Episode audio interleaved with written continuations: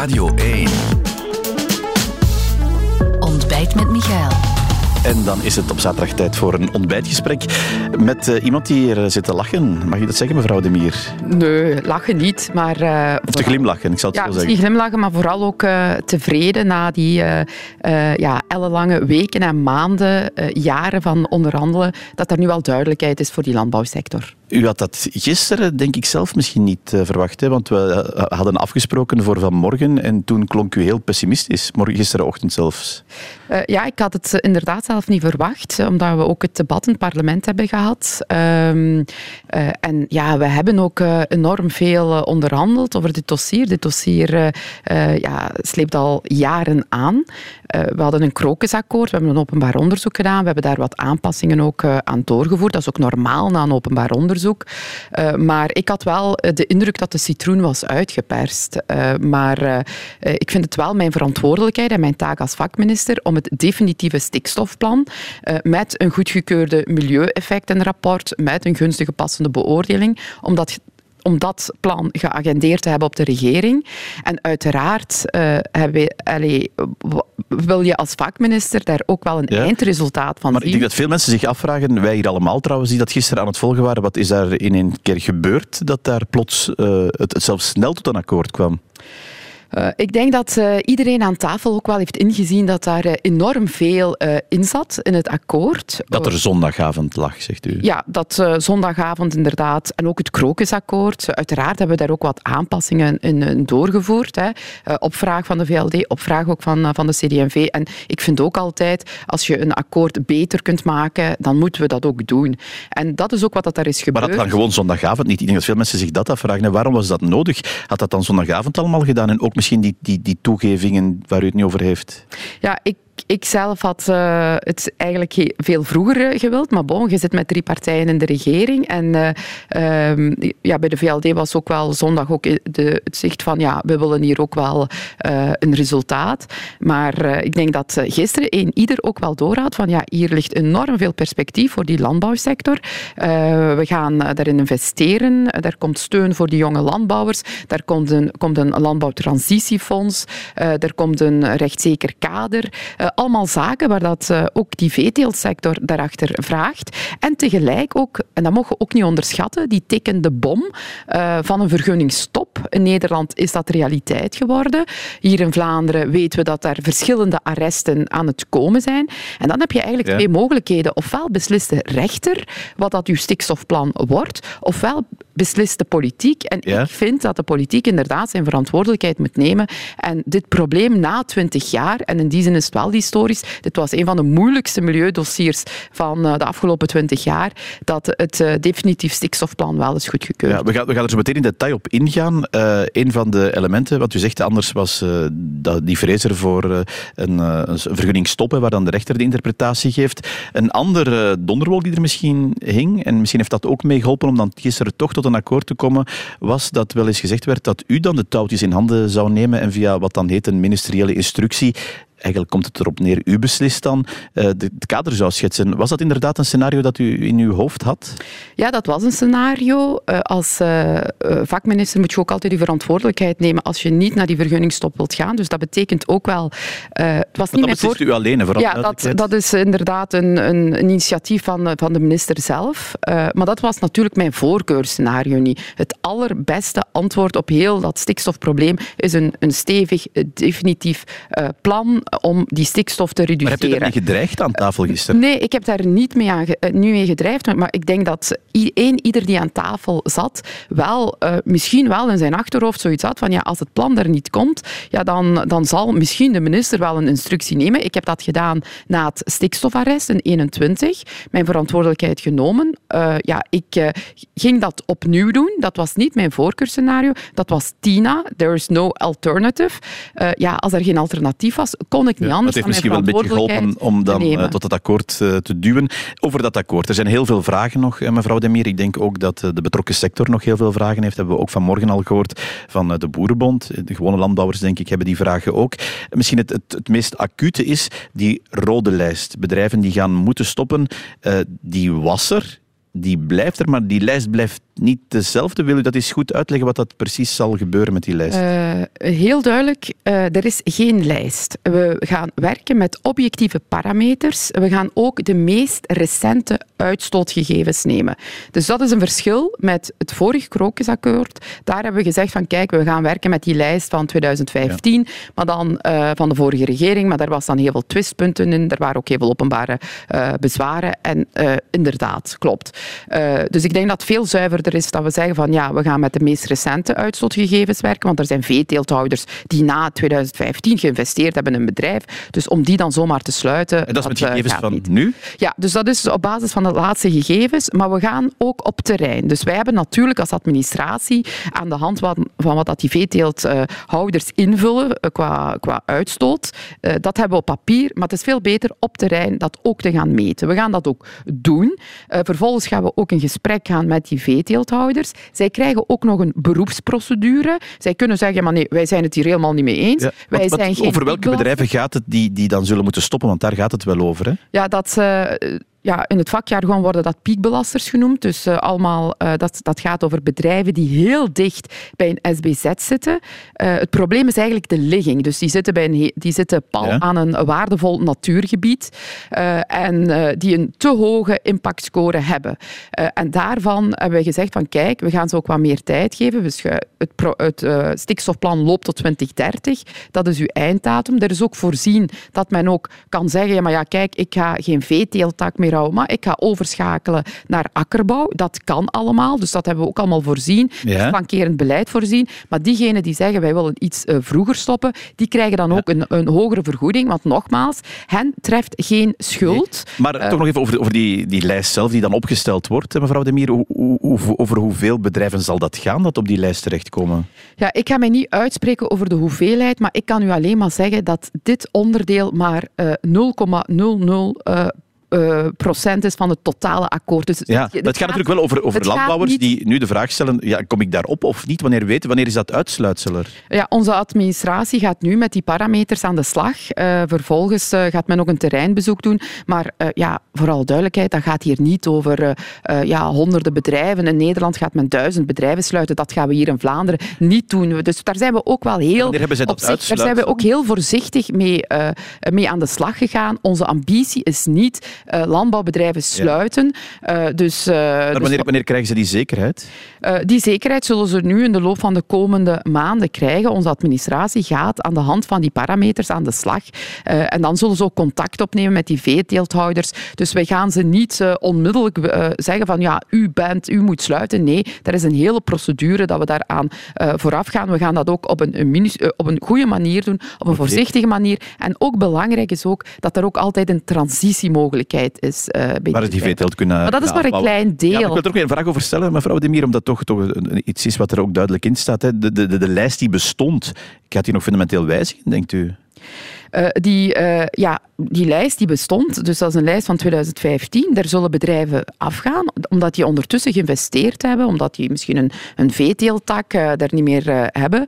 dus veel grote wijzigingen zullen er niet, mee, niet meer zijn. Ja, want een, een, van, een van de, de symbolen bijna van die lijst is de, de boerderij van de abdij van Averboden geworden. Die bijvoorbeeld, weet u, kan u daarvan schetsen? Wat ja, ik ga niet ingaan op individuele bedrijven, dat heeft ook geen zin. Ik denk dat het belangrijk is dat de administratie zijn taak doet. We hebben die lijst van 2015. Daarvan hebben we gezegd van kijk, ondertussen zijn er bedrijven die geïnvesteerd hebben, die niet meer rood zijn, die moeten van die lijst afgaan. Er zullen misschien een aantal bijkomen, maar diegenen die bijkomen, daarvan hebben we gezegd van kijk, die, gaan, uh, die krijgen de kans om hun uh, impactscore naar beneden te halen en uh, te blijven bestaan. Ja, er is ook heel veel geld voor voorzien, want dat is ook een deel van dat akkoord. ja, er is 3,5 miljard in totaal voorzien. Hoeveel geld is er voorzien voor die bedrijven zelf die moeten of willen stoppen of, of zich uh, omturnen? Ja, uh, heel belangrijk is natuurlijk dat we voor uh, heel dat stikstofplan uh, voldoende geld hebben voorzien, financiële middelen, om inderdaad die transitie te maken. Hiermee lossen we ook onze historische schuld af aan die veeteeltsector, maar geven we ineens ook een perspectief naar de toekomst toe. ja, ik ga niet vooruitlopen hoe dat, die, hoe dat financiële middelen verdeeld zullen worden, maar wat dat die piekbelasters betreft, ja, uiteraard zal er rekening mee gehouden worden met ja, hun, hun inkomens, hoe groot dat een bedrijf is, wat dat men wilt verkopen. Maar nogmaals, dit gaat maar over een heel kleine fractie. Ja, maar er is wel veel geld voor. van een, dit, dit gaat over een heel kleine fractie van het akkoord. Onze ambitie is niet om landbouwbedrijven te sluiten, behalve een, aan, een, een aantal die heel slecht gelegen zijn en waarvan dat we weten, naar de toekomst toe uh, ja, heeft dat niet, geen zin. Onze ambitie is vooral om die landbouw mee te nemen in die transitie naar de toekomst. Ja, en daar horen we de Boerenbond vanmorgen ook al van zeggen. Ja, er blijft toch heel veel onduidelijkheid. Hè? Want uh, bijvoorbeeld boeren die stoppen en die, waar jonge boeren dan uh, die uh, uitstoot kunnen, kunnen gebruiken, dat wordt nu onderzocht. maar dat is allemaal niet zeker. ja, welke garantie kan u aan hen nu geven op basis van wat er gisteren is bereikt? Ik vind dat het stikstofplan ja, het is duidelijk. Er is ook een openbaar onderzoek geweest. we hebben dat ook meermaals ook, ja, in verschillende adviesraden geweest. Um, het uh, stikstofplan, zoals dat het uh, op de regering was de vrijdag, uh, is goedgekeurd. Dus we gaan nu de, de reducerende maatregelen, stikstof moet naar beneden, die gaan we stap voor stap uitvoeren. In dat plan zat ook een vergunningskader, één voor industrie, één voor de veeteeltsector. en daar starten we inderdaad met die 0,025. Ja. die, gaat die zou ook doorgroeien hè, naar een hogere drempel. dat plan is goedgekeurd. en daarnaast, industrie ja, op elkaar Dus dat, dat, dat, stikstofplan dat kent ondertussen iedereen. Daarnaast hadden inderdaad de collega's van de CD&V uh, eh, ook een voorstel rond die vergunningsdrempels, omdat zij zeggen van kijk, wij, willen die, wij vinden die veel te streng, diegenen die daar nu in zitten, wij willen die iets soepelder hebben. En daarvan hebben we gezegd van kijk, uh, wij gaan dat uh, in een, in een milieueffectenonderzoek steken. Ik denk dat dat ook logisch is, dat we die voorstellen ook bekijken van ja, wat is het effect op milieu, vooraleer dat we zoiets in invoeren. En daar, hebben we ook, daar zijn we ook overeengekomen. Als uh, dat gunstig is, dat we dat vanaf 25 ook zullen invoeren. Ja, dus, eigenlijk is het uh, heel duidelijk uh, wat dat daar is afgesproken. Ja, maar dat onderzoek komt nu eerst. Wat is dan de timing? Want wanneer, wanneer zal alles wat nu afgesproken is onderzocht zijn en klaar liggen om echt definitief goedgekeurd te worden? ja, First things first natuurlijk. Uh, belangrijk is dat dat stikstofplan is goedgekeurd. Er is ook een, uh, een, heel de regeling rond de varkensboeren die ook in een uh, heel moeilijke situatie zitten, ook in een crisis, dat we die ook, die staat ook open. Dus varkensboeren kunnen zich ook inschrijven om, om uitgekocht te worden. Daar is ook 200 miljoen voor voorzien. Vervolgens gaan we ook die voorstellen die de collega's van de CD&V hadden, die zullen we in de, in de loop van de komende dagen ook in een, een MER-procedure steken. Daar komt een openbaar onderzoek. Dat zal dan ook uh, uh, ja, naar een passende beoordeling moeten gaan. En dat onderzoek, uh, dat, dat komt heel snel? Ja, daar, dat hebben we inderdaad ook wel afgesproken. Je moet daar ook niet op wachten. dat gaan we in een, in, zoals dat, dat gaat, de, de impact op milieu, dat is een speciale procedure, dat gaan we zo snel mogelijk doen. Ondertussen zullen we ook aan het decreet beginnen schrijven. Dat moet ook nog naar de adviesraden, naar de Raad van State. Maar het allerbelangrijkste is voor die rechtszekerheid, en zo werkt het systeem, hoe meer stikstof gereduceerd, hoe, hoe rechtszeker uw vergunningen zijn. Dus vandaar die, uh, die, die regeling voor onze uh, varkensboeren, die hebben we ja. gisteren al opengesteld. En nu gaan we ook natuurlijk met uh, de, de bedrijven, de oranje, de donker-oranje bedrijven samen zitten om te kijken wie wil daar ook zich inschrijven op, om, om zich te laten uitkomen. Oké, okay, dat is duidelijk. mijn vraag is toch ook heel concreet. Wanneer zal wat gisteren is afgesproken echt klaar liggen in het parlement om gestemd te worden? En eigenlijk is mijn vraag gaat dat nog voor de verkiezingen van 2024 gebeuren? Uh, ik uh, meen dat uh, alle partijen aan tafel de ambitie hebben om zo snel mogelijk door te gaan met dit dossier de hele samenleving verwacht dat ook. Uh, iedereen wil ook uh, duidelijkheid. Dat du die duidelijkheid wordt nu gegeven met dat stikstofplan, maar dat is een programma die uitvoering geeft aan uh, hoe stikstof reduceren. Uiteraard moeten een aantal dingen van dat plan in een decreet, moeten naar het parlement. en ja, liefst natuurlijk zo snel mogelijk. En kan dat voor de verkiezingen? Ja, ik ga mij niet uitspreken op een timing. Ik denk dat ook dat niet verstandig zou zijn. Ik heb ook niet alles zelf in handen. Er zitten een aantal procedurele zaken ook in ik weet niet hoeveel tijd dat de Raad van State nodig heeft. We hebben die MER-procedure. Maar niemand uh, heeft ambitie aan tafel. Dit is zo'n moeilijk dossier. Uh, er is nu een knoop uh, gelegd. En ik denk dat één ieder aan tafel wel wil dat, dat, dat die rechtszekerheid er ook komt. Ja, die is er volgens dat akkoord nu. dat, dat is één zaak. De politieke schade binnen de regering, hoe groot is die? Ja, ik uh, vind dat uh, we natuurlijk geen schoonheidsprijs kunnen krijgen over het parcours dat we gelopen hebben. Um, dat is ook de reden geweest waarom dat ik de afgelopen twee weken uh, gezwegen heb. Dat ik niet ben tussengekomen in de debatten. Um, ja, dat er wondes zijn geslagen, dat, zal, allee, dat, daar moet er geen specialist voor zijn. Dat, dat, dat lag ook op straat, helaas, jammer. Um, maar ja, we moeten verder, we moeten vooruit. Kan dat zomaar? Want u zegt het daar, het was voor iedereen ook zichtbaar trouwens in het parlement deze week, waar echt op de banken van de regering zelf ruzie werd gemaakt, ongezien.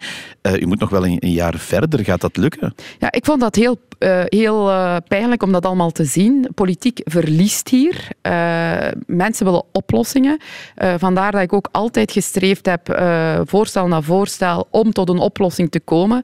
Want geen oplossing betekent eigenlijk een verlies van uw politiek, maar ook een dreig, een tikkende bom van die vergunningstop dat op ons zit af te komen. En als we dat als politieke leiders niet kunnen afwenden, ja, welk verhaal ga je dan brengen natuurlijk aan één ieder die overmorgen een vergunning aanvraagt? Ja, dat, dat, dat hebt u duidelijk gemaakt. Mijn vraag is ook vooral, u moet nog een jaar samen regeren met een partij ja, waar, ik ga het nog heel voorzichtig zeggen, eh, de relaties ooit beter waren uh, met CD&V, voor alle duidelijkheid. Um, dat, dat, dat, dat, ik, ik hoor in, in uw partij uh, ook bewoordingen die niet bepaald echt florerend zijn voor wat een vroege kartelpartner was. Hoe moet dat verder dat komende jaar? Uh, we hebben een regeerakkoord. Daar staan nog uh, verschillende zaken in. Als het gaat over activering, uh, als het gaat over onderwijs, als het gaat over welzijn, ook op milieuvlak, ventuleus milieuvlak. Dus we hebben nog een aantal werven waar dat mensen op, ook oplossingen van ons verwachten. En je moet ook geen beste vrienden zijn in een regering om overeen te komen.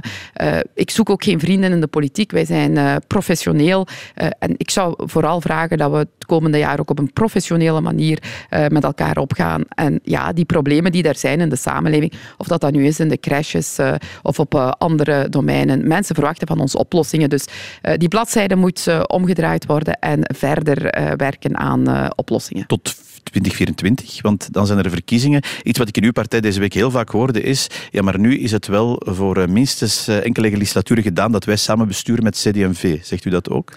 Een 24 zijn het verkiezingen uh, en dan zal het vooral de kiezer zijn die de kaarten zal schudden.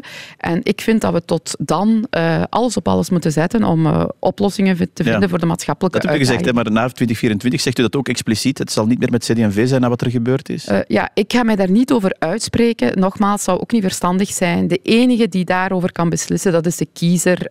en ik vind dat wij eigenlijk als beleidsmakers zeer nederig moeten zijn.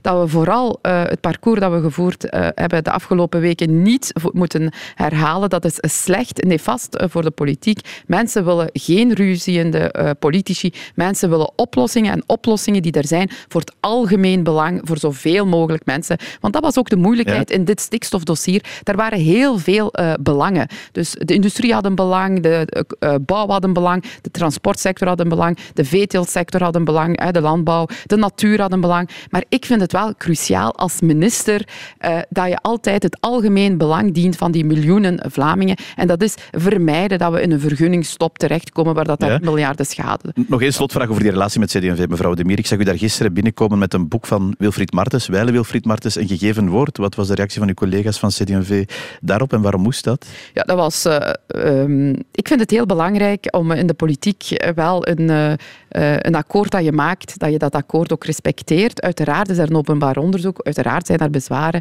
die moet je ook verwerken. Uh, we hebben daar inderdaad wel even van gedachten gewisseld, ook aan de regeringstafel, uh, over dat boek, ook over de geschiedenis van dat Konden zij dat appreciëren? Uh, uh, ja, ik, uh, ik heb alvast nog geen negativiteit daarover gevoeld. Okay, Want ja, Wilfried Martens was natuurlijk wel een hele grote staatsman. Misschien hebt u nu tijd, na dat stikstofakkoord, uh, om onder meer dat boek, kun je het al gelezen had, dan anders te lezen. In elk geval, het is er, het stikstofakkoord. Je hebt dat verder toegelicht. Dank u wel, meneer Van Morgen te gasten zijn, mevrouw. Graag gedaan. Fijn weekend.